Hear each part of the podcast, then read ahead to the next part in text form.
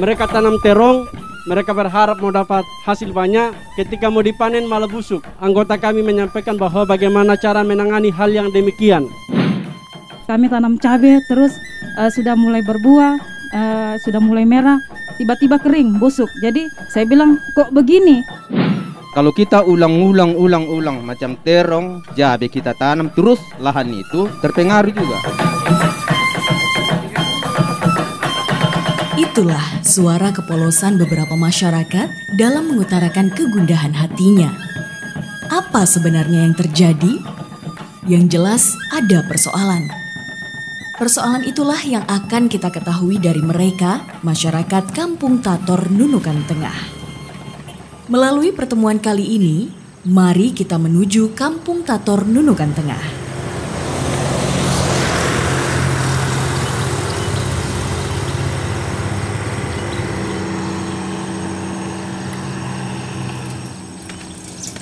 Pendengar, saat ini tim RRI Nunukan sedang dalam perjalanan menuju kebun salah seorang petani di Kampung Tator Dalam, tepatnya di Kecamatan Nunukan Tengah. Jalanan di sini masih belum beraspal, masih berupa tanah yang ditutupi oleh batu koral. Terlihat di kiri maupun kanan jalan hamparan hijau tanaman sayur petani yang terdiri dari bayam, kangkung, sawi, terong, seledri, dan masih banyak tanaman sayur lainnya. Sampai sudah kita di kampung sederhana dengan rumah yang masih terlihat jarang sebuah kampung yang lebih memperdengarkan suara alam dibanding suara riuh kendaraan dan manusia. Dalam perjalanan kali ini, kami bingkai dengan judul Memupuk Asa di Tengah Antraknosa. Gelas-gelas kaca bunyikan suara di mana aku ini? Sepi yang mencekam menusuk hatiku. Ke mana aku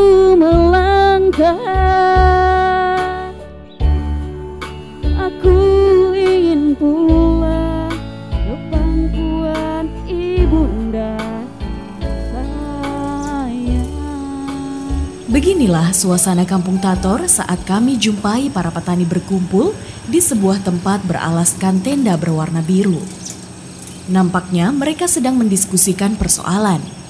Sementara beberapa orang lainnya terlihat mencabut beberapa tanaman sayur-sayuran atau hortikultura yang tumbuh namun buahnya mulai membusuk. Tangan-tangan mereka yang begitu cekatan memilah tanaman yang rusak menjadi bukti bahwa mereka adalah orang-orang yang telah lama berkecimpung dalam dunia pertanian. Kabarnya Kampung Tator adalah kampung penghasil sayur-sayuran Sejak dulu sampai dengan sekarang, para petani bergantung dengan hasil perkebunan. Namun empat tahun belakangan ini, para petani mengeluh terkait kualitas hasil perkebunan mereka. Pak Taufik Johan, seorang petani kampung Tator berujar bahwa ada sebuah penyakit yang menjadi persoalan kelompok tani. Konflik di di kelompok tani itu sih sebenarnya bagaimana menyiapkan sebuah media yang uh, bisa mencegah antraknosa karena memang setahu saya empat tahun kebelakangan ini tidak ada satu obat pun yang bisa menyembuhkan penyakit antraknosa. Kerugian petani itu 100% karena memang di saat kena penyakit dia langsung dicabut. Kita buang supaya pohon yang lain itu tidak uh, tidak terkena. Perlu penanganan khusus. Jadi apa yang dialami Pak Darius itu betul. Puluhan tahun warga Toraja di di kampung Tor ini itu bertani. Selain Pak Johan, Pak Markus juga mengeluhkan hal yang sama. Kalau kita lihat di belakang Bapak Ibu ini, ah inilah keluhan mereka ini. Mereka tanam terong, mereka berharap mau dapat hasil banyak, ketika mau dipanen malah busuk. Anggota kami menyampaikan bahwa bagaimana cara menangani hal yang demikian. Sementara itu, Ibu Stefani, istri dari Pak Markus, juga tidak mengetahui apa yang sedang menyerang tanamannya. Uh, anggota kami ya tanam cabai uh, sudah tumbuh, berbuah, terus uh, rusak, busuk, ditinggal. Uh, tidak tahu penyakitnya apa, apa yang menyebabkan. Kami tanam cabai, terus uh, sudah mulai berbuah, uh, sudah mulai merah, tiba-tiba kering, busuk. Jadi saya bilang kok begini? Tidak ada obat dan minimnya pemahaman akan penyakit merupakan pernyataan yang penting untuk digarisbawahi. Selain Pak Markus dan istri, Pak Agus Lepang, warga RT 17 Kampung Tator, juga berusaha melakukan percobaan dalam membasmi antraknosa. Sempat beberapa kali kita lakukan percobaan, ternyata untuk bisa mencegah penyakit ini memang kita harus mulai dari pengolahan lahan. Bahwasanya kita harus buat senyaman mungkin dulu tempat uh, dia ditanam. Dalam pengelolaan lahan kita menggunakan pupuk-pupuk alami. Kami coba membuat kompos. Jadi tiga bulan lalu kami coba buat dua dua setengah ton kompos. Itu satu bulan ngumpulkan bahannya. Karena kita pakai jerami padi, eh, kita cari yang kandungannya agak bagus seperti jerami dan eh, bahan-bahan lainnya kotoran hewan. Ternyata eh, dengan kita menggunakan pupuk alami dan juga pestisida alami itu daya tahan tanaman itu lebih bagus dibandingkan kalau kita sepenuhnya menggunakan bahan kimia. Kalau pupuk alami ini semakin banyak kita gunakan itu semakin bagus. Tidak seperti kimia ada sudah takaran-takaran yang ini. Kadang kelewatan dia tidak bagus juga. Mewakil dari kelompok tani buntu pepasan, kami menyampaikan kepada Dinas Pertanian ke depannya mungkin bisa diusahakan uh, sarana dan prasarananya untuk uh, mengolah bahan-bahan tersebut. Dan kalau bisa uh, mungkin ada dibuatkan sebuah buku diserahkan ke kelompok tani tentang uh, fungsi tanaman yang bisa dijadikan pestisida yang bagus untuk mengatasi antraknos. Uh, jadi mungkin itu harapan kami ke depan uh, bisa menjadi perhatian dari pemerintah khususnya di Dinas Perhatian. Warga Kampung Tator sangat bergantung pada panen tanaman hortikultura karena usaha perkebunan sudah menyatu dengan kehidupan masyarakat Kampung Tator. Sangat masuk akal kalau ada yang menggantungkan harapan akan bantuan pemerintah. Apalagi saat ini Kabupaten Nunukan ditunjuk sebagai penyangga pangan ibu kota negara yang baru. Eh, kalau kami keolahannya mau dibantu, apakah mau dibantu dengan racun supaya bisa mengurangi tenaga kami atau bisa dibantu dengan alat supaya bisa kami membantu tenaga kami karena kami ini sudah tua bu, pak tenaga sudah merosot. Artinya saya hanya bertanya saja karena pengaruh hama mau dibahas masalah ini. Tetapi itulah saya bilang tadi apa yang saya mau buat karena belum pernah kami berhasil apa yang kami eh, buat selama masuk kelompok ini. Antranosa kalau tanah itu kalau dikelola sejak dibuka kalau kita ulang-ulang ulang-ulang macam terong jabe kita tanam terus lahan itu terpengaruh juga terpengaruh itu pasal tanah itu kalau dikelola terus datang hujan deras habis punya tanah itu. Nah, kita hantam gubuk kimia, tanaman pun terpengaruh. Kalau tua sudah itu macam umur terong macam satu tahun mau dipanen. Kalau cukup umur sudah memang kena sudah itu. Macam manusia juga kalau tua sudah. Ah, iya banyak penyakit kan. Keluh kesah Pak Agus Warana Pak Darius yang mengelola lahan seluas 6 hektar dan petani lainnya tentang penyakit antraknosa kini menggoyahkan asa mereka. Janjimu seperti fajar pagi hari Yang tiada pernah terlambat bersinar Cintamu seperti sungai yang mengalir dan ku tahu betapa dalam kasihmu Mendengar beberapa keluhan yang diderita petani akibat penyakit antraknosa membuat kami penasaran. Sampai sejauh mana jalan keluar yang dapat ditempuh? Bapak Hendarto, seorang ketua Balai Penyuluhan Pertanian Nunukan menjelaskan apa itu antraknosa. Tentunya dalam proses budidaya, tantangan terberat itu adanya hama dan penyakit tanaman buah cabenya terserang. Terserang bagaimana? Biasanya ada becak di buahnya itu. Pertama kali kecil, nanti lama-lama melebar. Di situ biasanya ada warnanya coklat sampai ke kuning-kuningan lah. E, karena tadi antraknosa tadi atau biasanya kalau orang Jawa bilang itu patean. Jadi patek ya. Di umumnya itu kadang-kadang penyakit patek. Nah, itu biasanya itu menyerangnya itu karena curah hujan tinggi. Jadi itu sebenarnya bisa diatasi dengan fungisida. Sebelum kita itu mengatasi antraknosa itu dengan pestisida, harus melakukan pendekatan pengendalian pengelolaan hama terpadu. Pendekatan pengendalian pengelolaan hama terpadu merupakan kata kunci dari Bapak Hendarto. Sementara Pak Asri Aziz, Ketua Balai Penyuluhan Pertanian Nunukan Selatan menambahkan. Antraknosa itu kalau bahasa Jawanya patek, bercak merah, buah busuk. Nah, itu mungkin kalau bahasa Torajanya ndak tahu apa, Pak. Bosi. Nah, itu artinya buahnya busuk. Itu penyebab utama itu karena kelembaban tinggi. Artinya timbulnya eh, jamur. Nah, ini penyebab utamanya. Jadi itu awalnya biasanya di tanaman yang masih muda, biasanya terserang. Kalau ada gigitan lalat buah, jamur akan berkembang biak di situ. Awalnya kecil aja bercaknya, terus kemudian akan melebar. Nah, untuk pencegahan atau pengendalian eh, dari awal kita siapkan benih benih lokal yang memang belum pernah kena eh, antraknosa ini kalau perlu dipertahankan Pak. Kembangkanlah dalam uh, penanggulannya. Terus kemudian di penanaman itu perlu ada jarak 60 sampai 70 kalau perlu 70 cm nah ini di tengah pandemi kita perlu jaga jarak. Di tengah antraknosa perlu jaga jarak juga Pak. Jaga jarak pertanaman. Dan sistem tanamnya siksak jadi disilang supaya sinar matahari bisa menembus ke dalam dan bisa membuat e, cendawan ini mati atau jamur ini tadi mati. Terus kemudian kalau perlu di pertanaman itu kita kasih mulsa karena mulsa ini mengurangi kelembaban, Pak.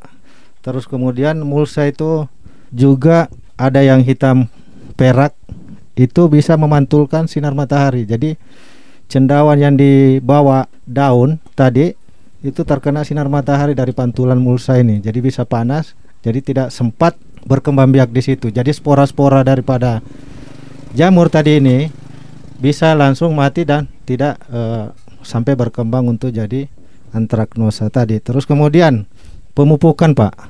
Pemupukan di sini jangan terlalu e, banyak menggunakan urea karena kenapa di urea ini bisa menyemburkan daun.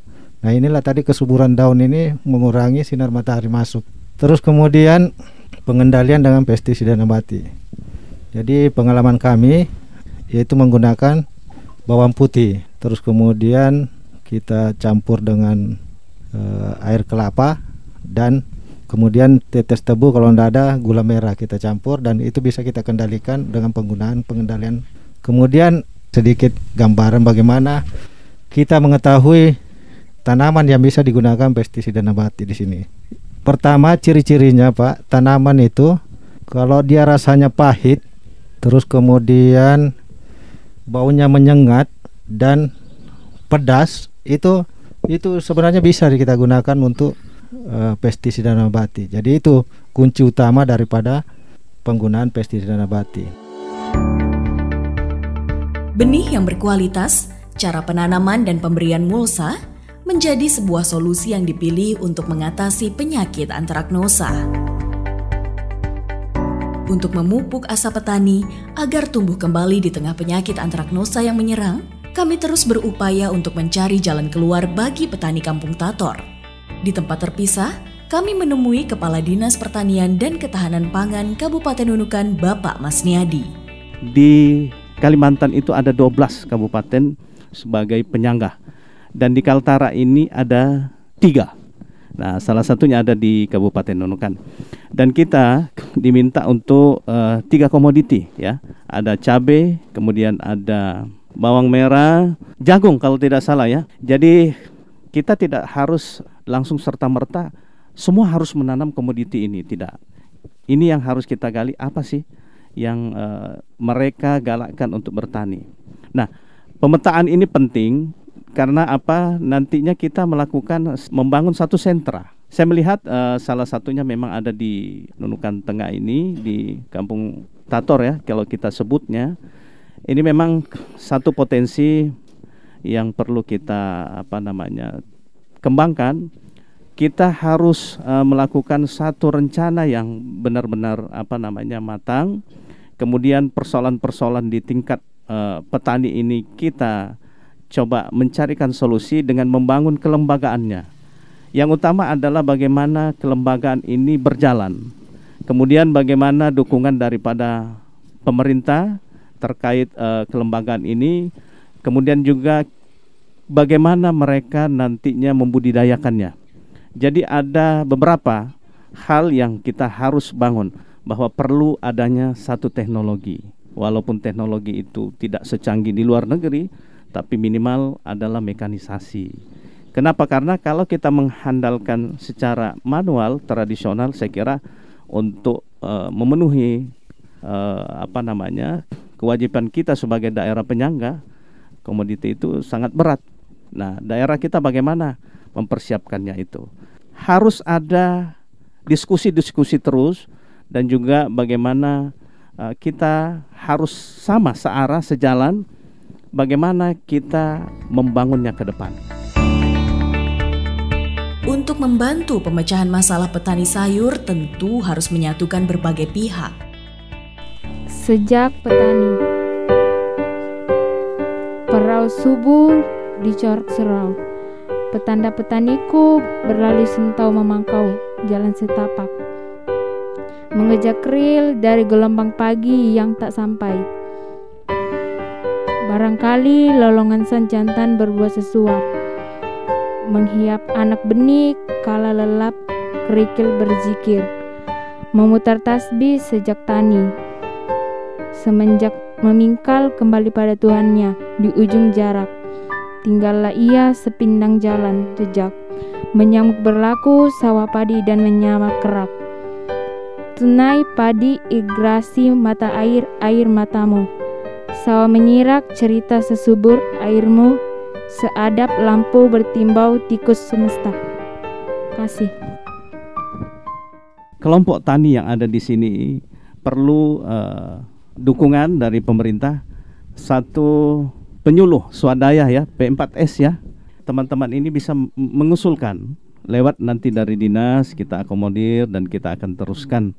Dan saya uh, memang berpikir bahwa ada satu Eh, kelembagaan yang dekat dengan petani apa namanya hasil kerjasama dengan beberapa petani khususnya saya kira itu adalah pemuda-pemudanya kenapa karena uh, bahan bakunya itu saya kira ada di sekitar kita ya kita bisa melihat di Sungai Bilal itu ada uh, apa pencaca ya yang dibuat uh, bantuan dari DLH kalau tidak salah ya untuk kompos dan ini sudah berjalan dan dijual.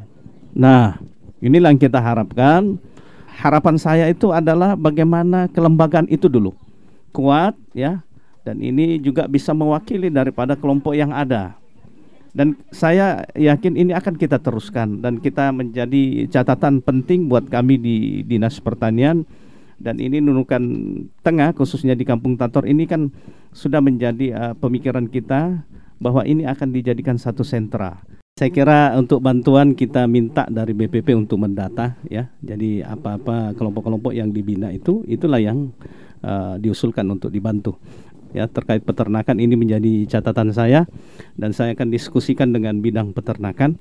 Jadi kita diskusikan mudah-mudahan ini ada solusi ya seperti apa nanti perguliran ternak kemudian hari dan ini menjadi apa satu catatan saya dan saya akan diisi dengan DLH terkait satu alat ya uh, pembuatan kompos. Nanti saya diskusi kalau memang ada jalan untuk uh, kita mendapatkannya nanti saya uh, sampaikan ke teman-teman kelompok. gagasan Kadis, Bapak Mas Niadi semoga mampu memupuk asa bagi petani hortikultura. Langkah-langkah yang ditempuh juga menjadi sebuah tantangan bagi petani. Semua masyarakat tentu ingin terus mempertahankan kejayaan tanaman sayur di Kampung Tator, Nunukan Tengah.